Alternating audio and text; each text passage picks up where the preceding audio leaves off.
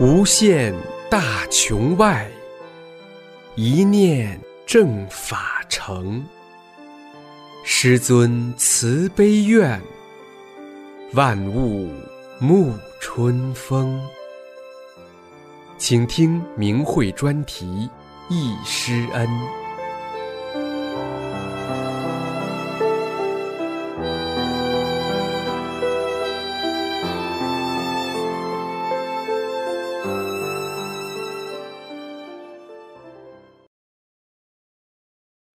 下面请听明慧易师恩专题文章。当年学法背法热潮从长春掀起，作者长春大法弟子新正。本文发表于二零一四年七月二十六日。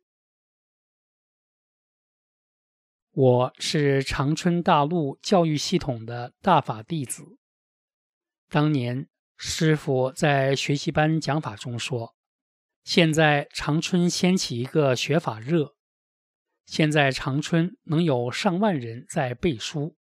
他们现在学法形成一个什么情况呢？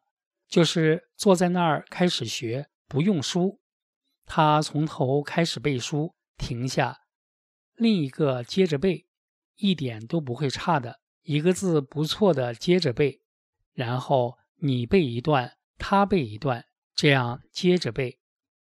法轮大法一解在北京法轮大法辅导员会议上的建议，我就是身在其中之一的大法弟子，我是一名见证人。一九九二年，师傅从长春开始传出法轮大法，两年后。长春大法弟子在修炼中，一有关要过的时候，一有学法不懂的地方的时候，就去问辅导员。有时一些情况，辅导员也没有亲身经历，只听学员表述。再由于层次不同，辅导员也把握不准，就说：“我们还是学法，看看师傅在书里是怎么写的吧。”一翻书，发现这不都在书上写了吗？而后我们就都说背法吧，把法背下来，就不用问别人了。悟性一上来，过心性关的时候，把握的就好多了。遇到什么事时，头脑中马上也有大法做指导了。就这样，长春大法弟子在师傅的关怀下。心性提高的非常快，学法背法热潮也就掀起来了。至今，长春大法弟子始终不忘师傅的谆谆教诲，坚持学法，集体学法，坚持抄法背法，同修间互相提醒，互相鼓励着背法抄法。学法点背法和个人背法。当年我家是个学法点，由于学法的同修有上班的，有退休的，有串修倒班或老年在家的同修，学法时间不一，所以在我家每天学法分白天、晚上两个时间。我是上班族，给同修配上钥匙，大家在一起学法。初期。为了照顾老年同修，先通读转法轮，然后开始背法，按顺时针顺序轮流背法。那个学法的氛围，正的善的能量场非常大，感染着、触动着每一个人的心。背法中，每个人的心灵深处都被大法包容着、震撼着。每个人一到集体学法场。都有一种师傅就在我们身边的幸福感。起先，大家志愿性的主动背法，刚开始能背下转法轮的人不多，但是大家看到能背下来转法轮的同修还都是上班的，时间少的同修感慨万分，都纷纷下决心背法。后来，大部分人能背书了。在轮着背法过程中，大家都静静地听着，一种庄严神圣感在每个人心中升起。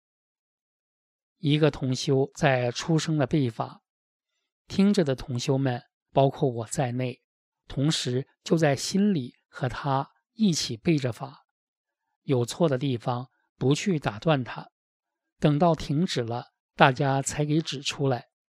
有的会说：“我重背。”实修中，大家还体悟到，当背法背到哪一讲的时候，都有相应的执着心反映出来。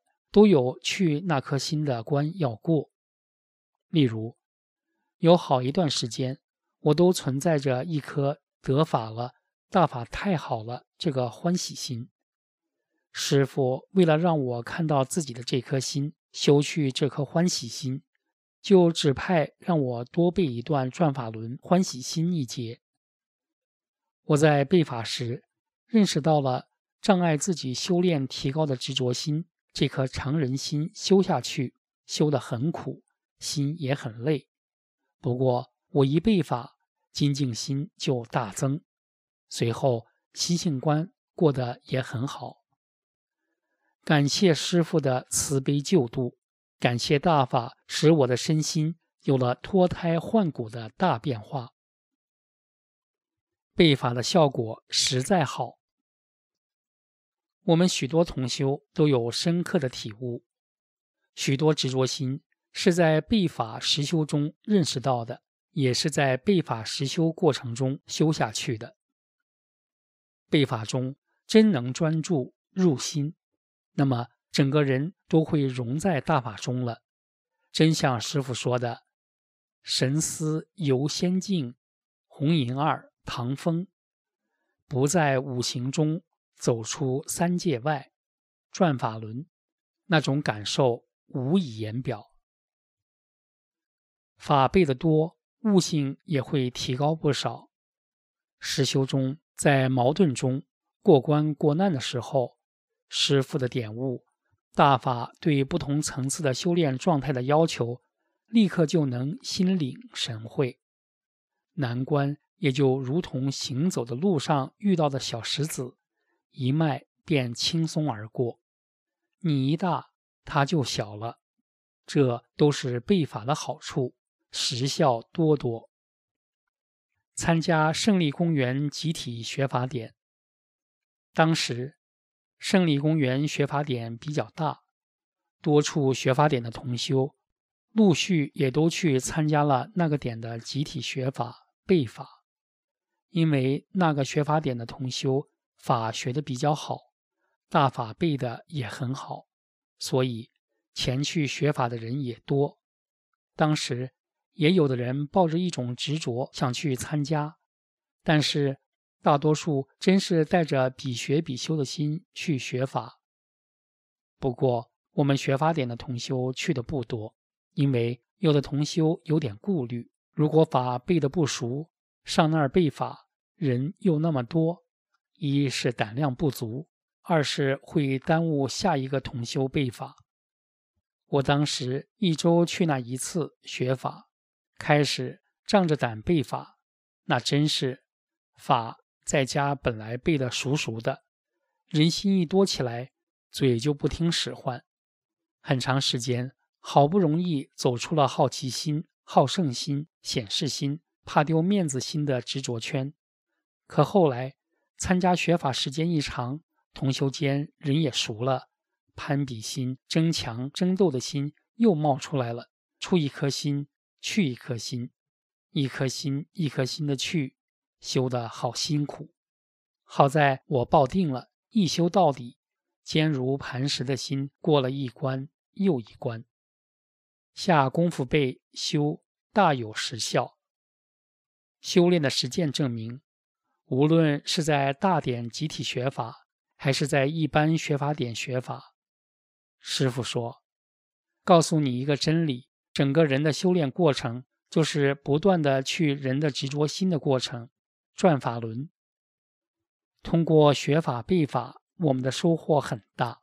大家的修炼境界，也是在学法背法过程中，在不知不觉中渐进的提高着。互帮互学，向内找的氛围也非常好。修自己，帮同修背法，一句一句的修出极大的耐力，帮助同修把预定的内容背下来。那颗颗向善的心，无时无刻不体现出大法强大的威力。背法时间分分秒秒，每一天每一小时，在同修的眼里。都是珍贵无比。背法已成了同修们学法不可缺少的一部分。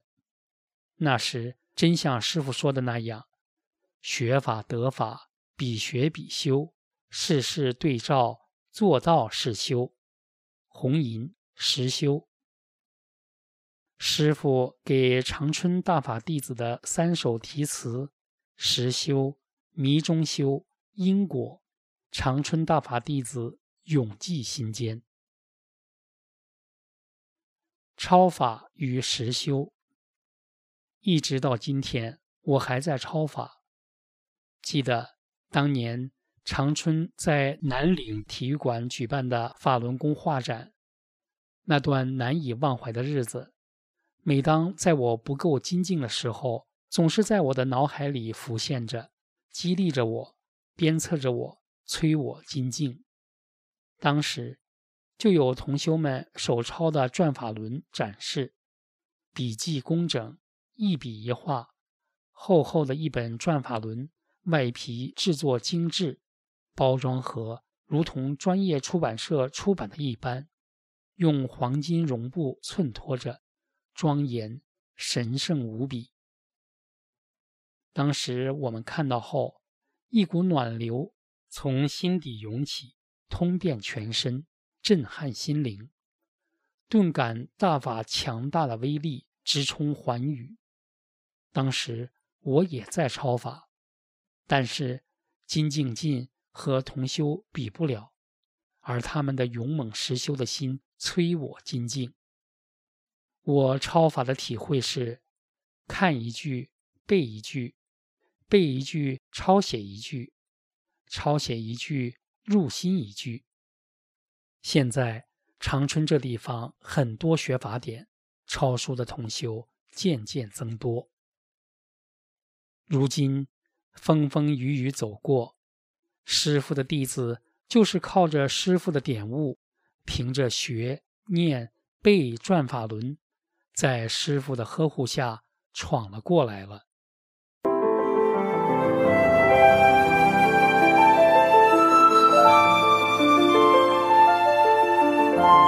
您现在收听的是明慧专题《易师恩》。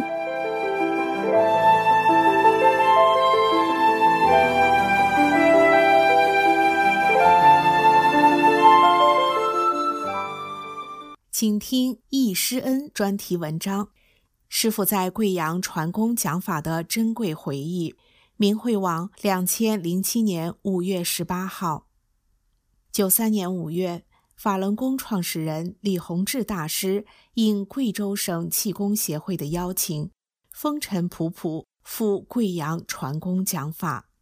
贾同修回忆：五月二十五号，我赶第一班车提前来到地矿小学的大门口，就看见一位高大英俊、目光炯炯、红光满面的青年人。正和助手们一道摆挂法轮大法八大特点的横幅和法轮图标，随后向前来咨询的人们分发法轮功简介。我上前一问，才知道这位高大的青年人就是当下享誉全国的法轮功创始人李大师。我当时心里升起无限崇敬之意。过去我见过的气功师，个个都架子大得了不得。还从没见过这么平易近人、和蔼可亲的气功大师，还和弟子一起亲自动手布置场地做这些活。接着，大家像见到亲人一般，无拘无束地向李大师咨询了许多练功、敬佛、信神等各种问题。李大师总是笑眯眯的，不厌其烦地耐心解答，谆谆教导。李大师解答问题时深入浅出、简单明了，都讲到人的心里去，听起来非常舒服，犹如泉水灌透心肺，听着无不心悦诚服，都纷纷争相购买参加法轮功传功班的听课票。李老师还当场给来咨询的人清理身体。李老师打出的功非常强，效果神速，调理的效果立竿见影。很多人久治不愈的顽疾瞬间消失遁形。当时我患有多年的胆结石，严重的胃病导致放射性全身疼痛发冷，坐骨神经痛得腰都直不起来。多年来求百医服百药，成了有名的药罐子。想不到经李大师妙手一调理。顿时感到一股阴凉向脚下排出，一会儿就感到神清气爽，从未有过的一身轻的感觉。我心想，这法轮功好生了得。回家后立即将这神奇效果通过口传口、心传心向自己的亲朋好友、同事宣传，一下子带来几十人报名参加贵州法轮功第一期传功讲法班，有的地方开来几车人参加。以同修回忆，九三年五月二十五号下午，我有幸参加了师傅在贵州举办的首场传功讲法班，地点在工人文化宫，门票五元，人数五百余人，会场座无虚席，周围都站满了人，整个场气氛祥和。当师傅健步走向讲台，掌声雷动，师傅精辟阐述了博大精深的宇宙大法。及法轮功的特点，道明了法轮功不但有健身奇效，还可使修炼人同化真善忍心法，滋养人的心灵，提升精神层面，最终达到返本归真目的的玄奥。学员们感到师傅说出的句句红音透入肺腑心田，贯耳如雷，茅塞顿开，在心灵震撼中拨正了生命的航帆。从此不再为名利情取争取斗。当时我就暗下决心：这么正的师傅，这么好的功法，千古难遇。我以信得高师大法，我就认定了。师傅在讲法中打出威力无比的功，为学员们清理身体，把学员体内那些乱七八糟的东西都拿掉。只见师傅挥手一甩，使信者大受裨益。当然，也有悟性差的了。甚至还有不买票偷进场的师傅，其实都知道。慈悲告诫说，要心诚才会受益的。并同修回忆，有幸参加师傅的传功讲法班后，师傅的东北乡音时常回荡在耳边，真不知我是多少世修来的缘分。接着，我又参加了师傅在贵阳办的几次法轮功传功班，越听精神越旺。同时，我家三代人也因我修炼法轮大法，都沐浴在师恩浩荡中。九三年五月，师傅来贵阳办班时，我那才五岁的孙儿也跟着去听师傅讲法。听课时，他看见旁边有位老奶奶没座位，就主动让出座位，自己爬到师傅的讲台的台阶下听课。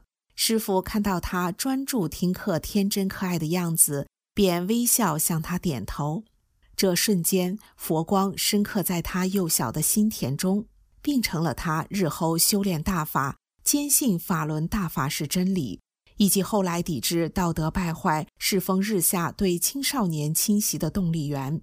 小孙儿未入学前，每天早上闹钟一响，马上爬起来跟姥姥到公园去练功。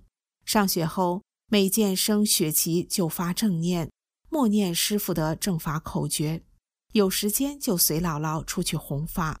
目前孙儿已到高三毕业要高考的阶段，百忙中仍不忘记给老师同学送真相、讲真相，以救人为本。当时得知师傅在济南办第二期法轮功传功班时，我赶回东北老家，带着亲友相邻到济南去参加。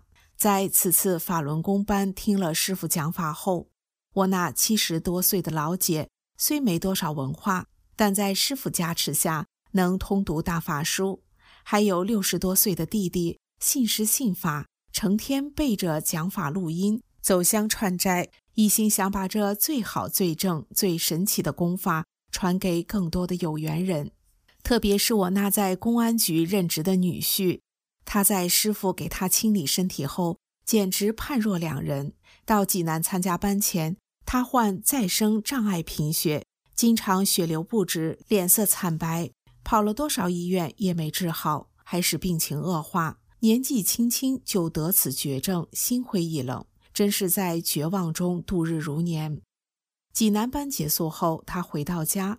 人们就看到他红光满面、精神焕发，并听他妻子说，就在他离家到济南后第三天，他家房前窗户下一棵大榕树被雷劈断，挖开树根一看，数百条小蛇奄奄一息。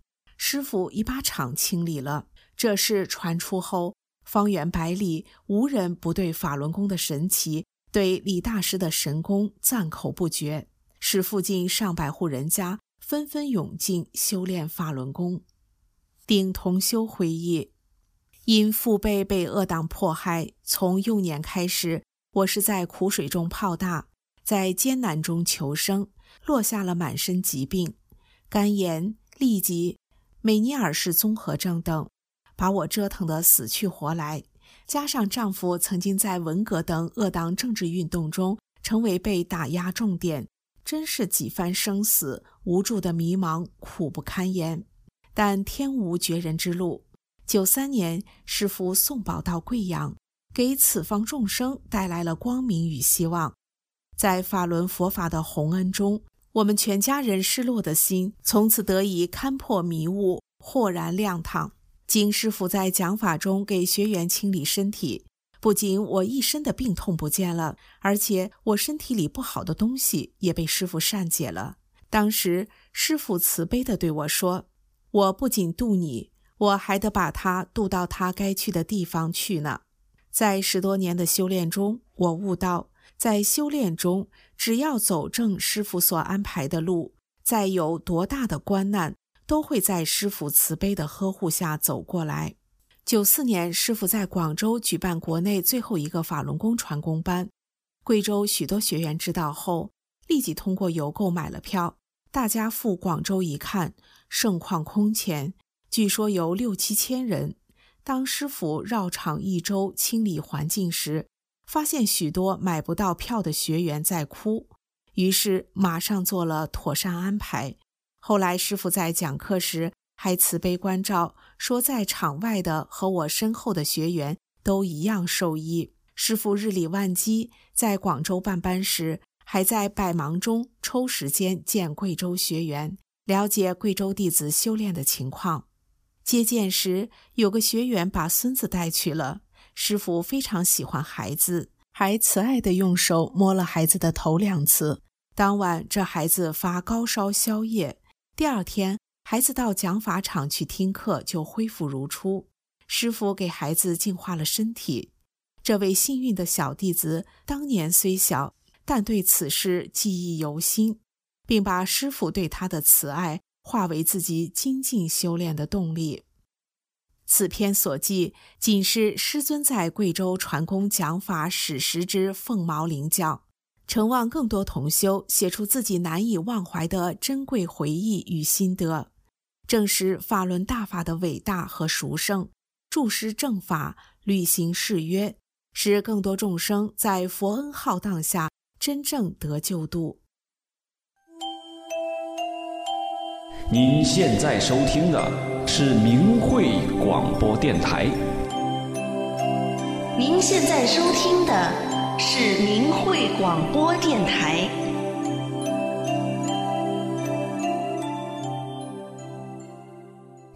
请听明慧易师恩专题文章《跟班的学员易师恩》，作者大陆大法弟子，明慧网二零零六年三月三十号。师父当年在中国大陆传大法，千辛万苦，走遍了长城内外、大江南北，大法的美好神奇，像磁石一样吸引了千千万万个有缘人，从四面八方赶来聆听师父的亲自传功讲法。师父每到一处办班。除了本地学员，还有一支浩浩荡荡跟着师傅走的跟班学员。师傅走到哪里就跟到哪里。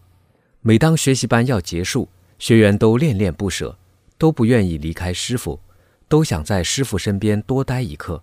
这一刻是多么珍贵啊！我有幸成为这跟班大军里的一员。记得在广州、济南一下火车，就有一支挂着法轮功牌子的车队来接站，这都是师傅操心给安排的。在广州体育馆门外的广场上，在师傅办班期间。有几十辆大小客车挂着法轮功的牌子，接送听课的学员，一路上浩浩荡荡，行人都驻足观看。啊，法轮功这么多人，在延吉学习班上的第一天，几千人的会场座无虚席，而我身旁却有几个空位子。我想这是谁呢？师傅都讲课了，怎么还不来？正想着，只见一位中年男子风尘仆仆地带着两个男孩，一个八九岁。另一个十一二岁，来到空位子上坐下，说是刚下火车。我轻轻地问了一句：“哪来的？”他回答：“甘肃来的。”我不由得啊了一声：“这么远呢？”这时就听见师傅说：“大意是，这个法传的是够大的，很远的都赶来了。”师傅什么都知道啊。这时只见那两个小男孩轻轻地把两腿一盘，挺直了腰板，认认真真地听师傅讲法。我在想。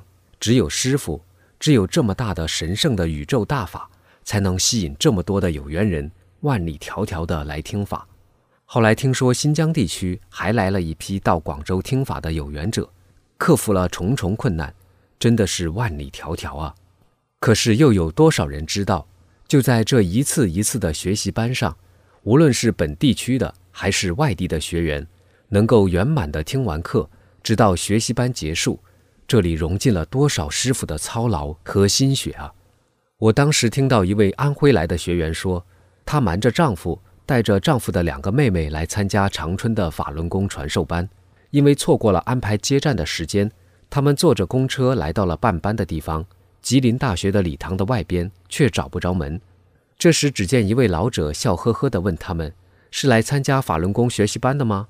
他说是，老者就领着他们走。并笑呵呵地说：“从安徽这么远都找来了，还瞒着丈夫，都走到门口了，怎么就找不到门了？”这位学员一愣，心想：“他怎么知道我的事呢？”等他听完了师傅的讲法，才悟到，原来那领路的老者是师傅的法身来接他们的，心里一阵感动。还有一位学员是安徽农村来的小伙子，一米八的大个，长得很帅气。他告诉我。半年前，他还是一个残疾人，弯腰的快成九十度的罗锅，是师傅第一次在安徽讲法时，当地的气功协会把他介绍给师傅的。师傅几次拍拍他的后背，他的腰就直起来了。他对师傅的感谢无以言表，也是师傅走到哪里，他就跟到哪里。在后来的学习班上，师傅知道他经济很困难，还免了他的学费。提起学费。当时法轮功学习班收的学费，在全国气功班各门派的收费中是最低的，而且跟班的老学员只收半费。因为法轮功的收费低，引起其他门派的不满，跟气功协会提要师傅提高收费的标准，但师傅一直都没动。还有一位长春的学员，一家四口，还带着一位八十多岁、行动不便的老母亲来参加郑州的学习班，错过了接站的时间。他领着老母亲及家人在街上转，想找一家旅店。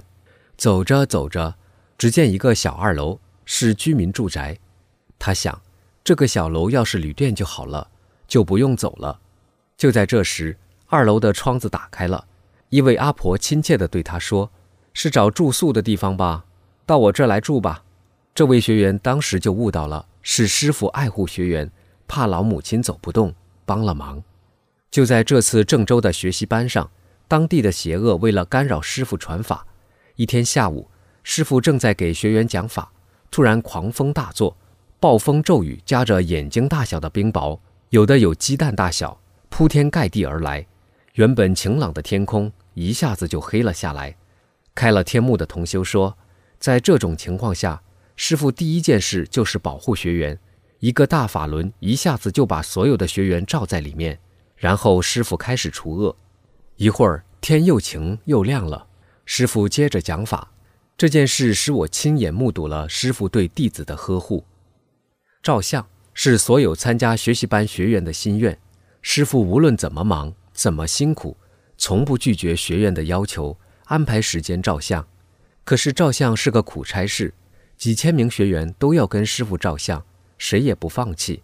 夏日的郑州赤日炎炎，按照大会的规定，每一个省的地区的学员集体和师傅照一次就行了。全国有多少个省呀？本来师傅就够辛苦的了，可是学员们还不甘心，各省地区照完了，又自动组织市地区的学员和师傅照。就这样，师傅被请来请去的，赤日当空，炎热袭人，师傅从不烦，总是祥和的、慈悲的、笑容满面的走来走去，和大家一起照相。现在回想起来，这一幕真是惭愧至极，无地自容。那时我多么的自私，面对着人人尊敬的师傅，怎么就没为师傅着想，让师傅少一次辛苦，少一次操劳，照一次就可以了？怎么就没有为师傅想一想？讲了这么多天的法，当天又讲了一个上午，下午又与大家照相这么长时间，夏日炎炎呐，在师傅的慈悲呵护下，我们走到了今天，大多数同修都成熟了。可我还有很多的执着没有去掉，都和这个思有关，都是这个思派生出来的。只有把埋藏的很深的思全部去掉，才能达到师傅要求的无私无我的标准。今天回忆起师傅当年在大陆传法的千辛万苦，和我们表面上能感受到的师傅对弟子的呵护珍惜，那真是沧海一粟。实际上，师傅为我们的付出。为我们实质承受的巨难，我们永远不会知道，然而永远也不会忘怀。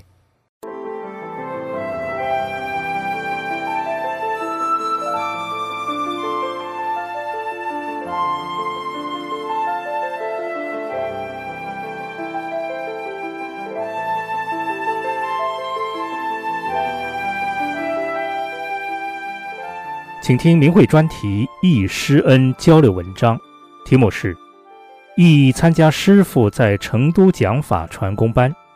文章发表于明慧网，二零一五年十月十三日。作者：四川大法弟子玉莲，同修整理。我和老伴儿于一九九四年喜得大法，至今已有二十一个年头了。每每回想起当年参加师傅两次传法班的情景时，我都禁不住热泪盈眶，心情格外激动。记得师傅一九九四年在四川成都办班时，我和妻子都不知道。当时我正在休假，七兄给我们发来一个电报，叫我们赶快到成都。妻子当时正在做生意，听他哥一说，立即放下生意。与我一起风尘仆仆坐火车赶到成都。哥说：“师傅是来传佛法度人的，这是千载难逢的机缘，千万别错失良机。”我们怀着无比喜悦的心情走进了师傅讲法的礼堂，看到好多工友胸前都佩戴着一个圆圆的小法轮章，感到既高兴又羡慕。听说师傅这一次来成都办班，贵州、重庆都来了不少学员。我们刚坐定，就见一个高大伟岸的身影出现了。我们知道，这就是传大法的李洪志师傅来了。顿时，整个礼堂响起了雷鸣般的掌声，个个神情激动，只有用掌声来表达对师傅的欢迎和感谢。妻子第一次见到师傅，就感到这师傅好熟悉，似乎在什么地方见过。师傅讲法时，整个礼堂十分安静。场内的气氛都感到非常祥和宁静。有一天，师傅在讲法时，我看见师傅身后出现一团团五颜六色的大光环，感到非常舒服、激动。那种美妙景象真是无法用人类语言来表达，说也说不出来。第二次看到师傅头顶出现一个蓝色而且透明的大圆圈，只见师傅坐在蓝色的光圈里。为我们慈悲讲法，光圈里的师傅影像跟师傅本人有点区别，慈悲祥和。还看到在师傅的四周都有无数的神在护法，所有空椅上都有神，礼堂门口都有数不清的护法神护法。听了几天法后，妻子感到粗糙的手竟变得非常细滑了。妻子回忆，自从听了师傅的讲法后，自己的人生观和世界观从此彻底改变了。有天下午，师傅带些弟子，还有北京的一些同修一起去了宝光寺。开了天目的同修看到，寺庙里塑的五百罗汉全部都出来跪迎师傅。开了天耳通的同修还听到另外空间传来了欢迎师傅的美妙悦耳的音乐声，还听见师傅和他们讲话呢。八天班很快就结束了，工作人员安排学员和师傅合影，师傅坐在中间，四周站满了重庆、贵州和成都的许多工友。能和师傅在一起，大家都感到无比的幸福和温暖。第二天下午，师傅讲完法，要离开成都，到河南郑州办学习班，最后一堂课。成都的工友知道师傅马上要离开了，每个人对师傅都依依不舍，不愿师傅走。只见师傅双手向前推了几下，我看到无数五颜六色、很美丽的大法轮落在了同修身上。我和妻子商量，决定和师傅一起赶车到郑州，继续听师傅讲法。于是我们赶紧回家，简单收拾了一下，带着十二岁的儿子赶火车到郑州。由于去的学员多，已经没有位置，车站临时决定再加一个简易车厢。人很拥挤，也没有水喝，但师傅一点也不计较。在郑州讲法的过程中。另外空间的魔不服气，跑出来干扰。有一天，师傅正在讲法时，天突然乌云密布，电闪雷鸣，风雨交加，还夹带着冰雹，礼堂里都在漏水。只见师傅气定神闲，打起了手印，把那个捣乱的魔收在了桌子上的矿泉水瓶子里。一会儿，乌云散去，太阳出来了，大家都不约而同地鼓起掌来。师傅处理了魔，又继续为我们讲法。传法班结束了，我们又一次与师傅合影留念。事情虽然过去二十多年了，但和师傅在一起的情景还历历在目。此时此刻，我在给同修口述时，幸福和感动的泪水不由自主地溢满双眼。那份感动，那份幸福，将永远蕴藏在我们的心灵深处。我们珍惜这万古难遇的修炼机缘，同化大法，勇猛精进，返本归真，随师傅回家，不辜负师傅对我们的慈悲救度。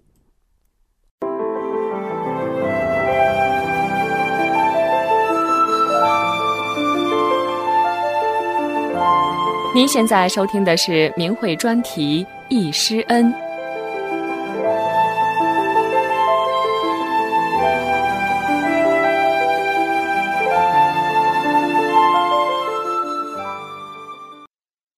请听明慧专题《易师恩》交流文章，题目是《记师尊第三次贵阳传功期间奇迹点滴》。文章发表于明慧网，二零零七年六月一日。作者：贵阳大法弟子。中国法轮功贵阳第三次传授班于一九九三年八月十五日在贵州省政府礼堂开课，我是经同乡介绍才得知的。同乡说，这个功法有个特点，在小腹部位修炼一个法轮，二十四小时不停旋转，人不练功，功练人，加快了练功进程。当时我一听，挺高兴的，这个功法好，正好没有那么多时间练功呢，于是就报了名。在班上初见师傅，感觉师傅只有二十多岁，年轻英俊，讲话开门见山，易懂。第一天，师傅讲完课后，由其他弟子教功，而师傅则利用这个时间给学员调整身体。我因右脚扭伤近两个月，走起路来一瘸一瘸的，而且左肩肩周炎使胳膊举不过头顶。只见师傅举起右手，一把抓下来，马上我右脚就不疼了，左胳膊也很轻松地举起来。我以前学过很多其他功。都不管用，所以当时十分兴奋，心想这个师傅功力厉害，以后就练这个功了。就像师傅在《转法轮》中所说，从今天开始，有的人会感到全身发冷，像得了重感冒一样，可能骨头都得疼。而我第二天就出现了重感冒症状，高烧四十点五度，全身关节都痛，但是精神很好，工作还照样做。到了下午快下班时，心想不管怎样还是要赶去听课。听课过程中，不知不觉感冒症状就消失了，什么时间好的也不知道。虽然刚开始时我对师傅讲的很多还理解不了。但初步理解了人为什么要得病，为什么有磨难，为什么要重德、做好事等等。十堂课下来，我感到精神爽快，一身轻松。我以前的关节炎、腰扭伤、慢性胃病、低血压、慢性咽炎、前列腺炎等等十几种病完全消失了，真正体会到无病一身轻的美妙。当时我们单位参加师傅班的共有六人。有一个学员小腹部位长了个核桃大的肿瘤，几堂课听下来，肿瘤不见了。还有一个学员，当师傅讲完周天后，回家睡觉，晚上就起空了，连被子都飘起来。醒来时，他想：“我得下来呀。”于是就落下来了。他当时说到这儿，很兴奋，也很激动。讲法班最后一天下午，组织学员照相。大家自行组合，一组一组站好，等师傅过来。当时贵阳天也有些热，整个下午师傅和大家一样都在外面晒着。照完相，太阳也就落山了。师傅也没吃饭，就给学员解答提出的问题。完后由学员谈心得体会。有一对夫妇，男的是退休教授，半身不遂，一直拄着拐杖听课。而女的因严重肩周炎，胳膊不能动。师傅第一天给大家清理身体时，基本上都好了。男的高兴地把拐杖都扔了，女的手也能自如运动了。他们谈完体会后，在台上还很自然地走了几圈，激动地大喊：“李大师万岁！”在八天班中，每天交工结束后，很多学员还是不想离开。想多待在师傅身边，依依不舍。您现在收听的是明慧广播电台。您现在收听的是明慧广播电台。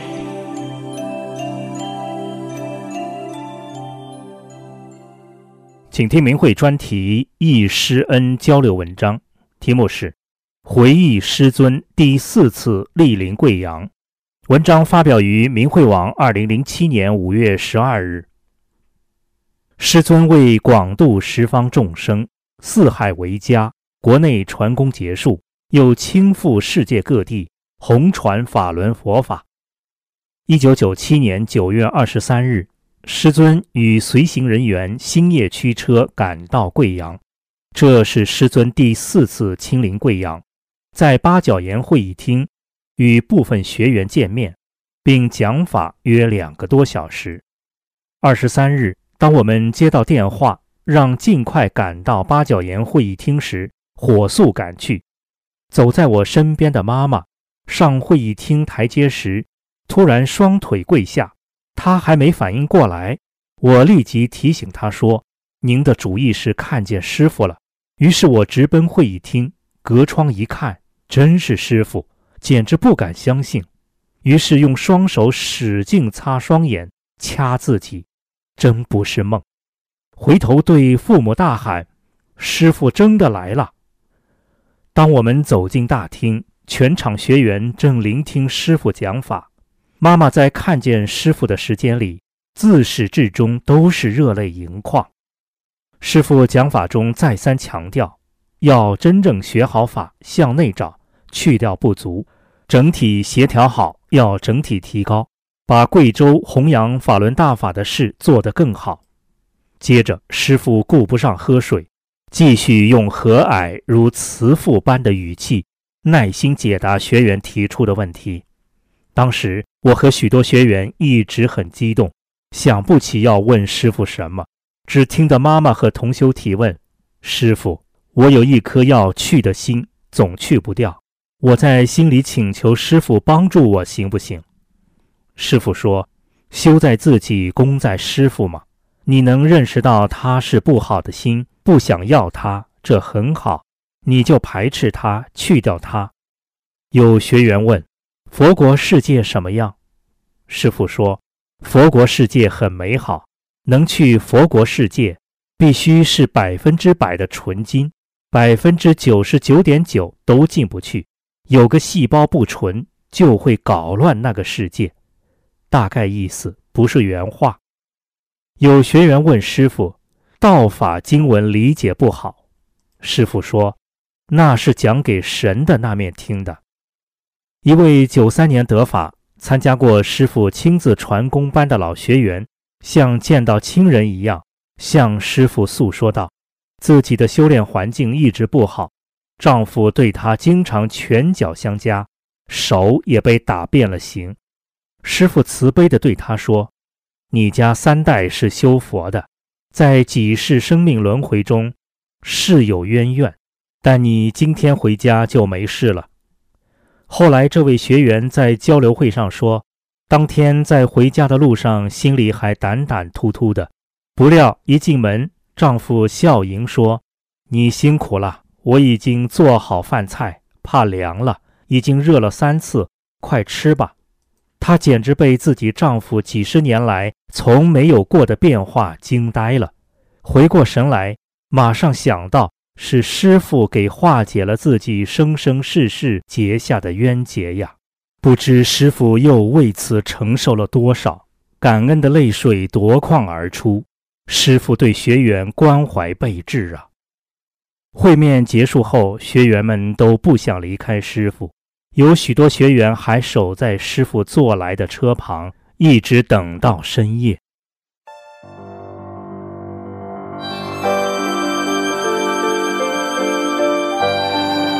这次的易师恩就到这里，谢谢收听。